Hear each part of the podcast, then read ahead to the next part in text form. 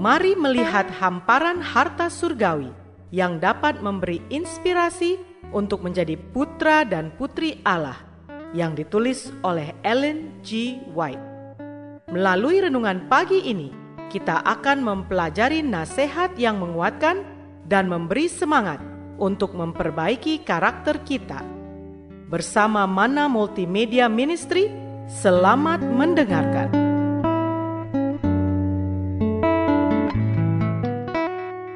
Shalom, selamat pagi saudaraku. Renungan pagi kita hari ini 20 Oktober berjudul Hidup kita disembunyikan bersama Kristus dalam Allah melalui baptisan. Bersama saya, Pendeta Andre Daembani. Ayat intinya diambil dari Kolose 3 ayat 3. Demikian firman Tuhan. Sebab kamu telah mati dan hidupmu tersembunyi bersama dengan Kristus di dalam Allah. Mari kita dengarkan penjelasannya. Tanggung jawab besar datang kepada mereka yang telah dibaptis dalam nama Bapa, Anak, dan Roh Kudus. Berusahalah untuk memahami arti kata-kata "kamu telah mati" dan hidupmu tersembunyi bersama dengan Kristus di dalam Allah. Dalam kehidupan baru yang telah Anda masuki, Anda berjanji untuk mewakili kehidupan Kristus. Setelah mengenakan manusia baru yang terus-menerus diperbaharui untuk memperoleh pengetahuan yang benar menurut gambar haliknya.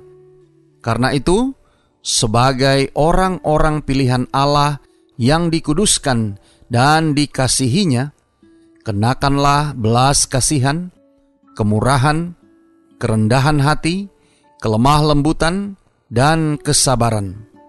Sabarlah kamu seorang terhadap yang lain, dan ampunilah seorang akan yang lain apabila yang seorang menaruh dendam terhadap yang lain, sama seperti Tuhan telah mengampuni kamu kamu perbuat jugalah demikian.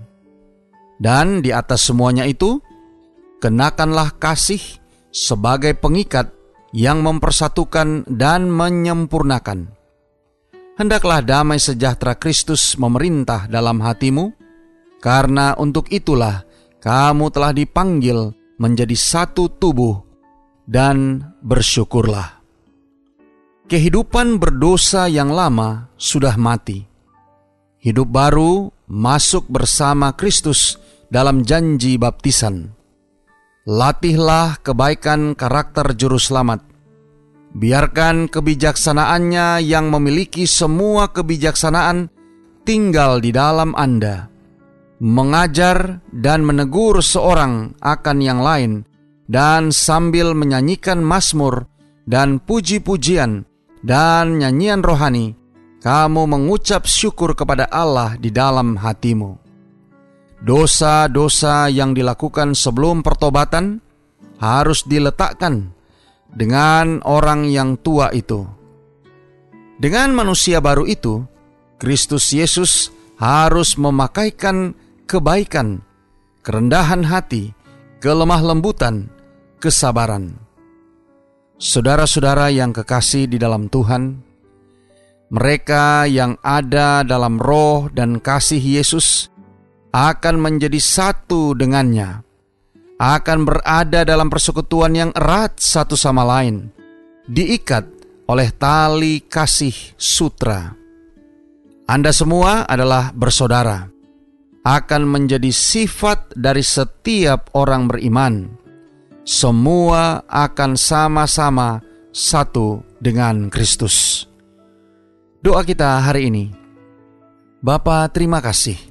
Melalui renungan pagi ini, kami boleh belajar bagaimana kami boleh berada di dalam Kristus melalui baptisan.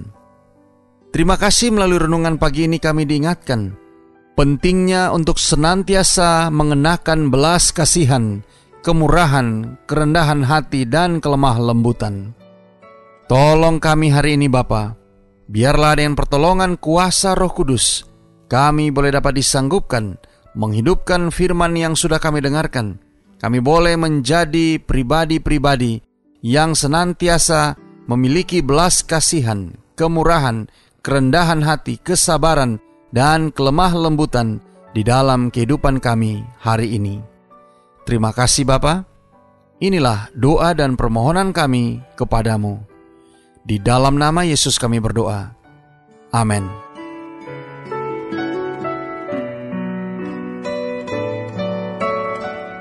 Demikianlah tadi pembahasan tentang menjadi putra dan putri Allah. Semoga firman Tuhan hari ini menjadi berkat bagi Anda. Sampai jumpa, Tuhan memberkati.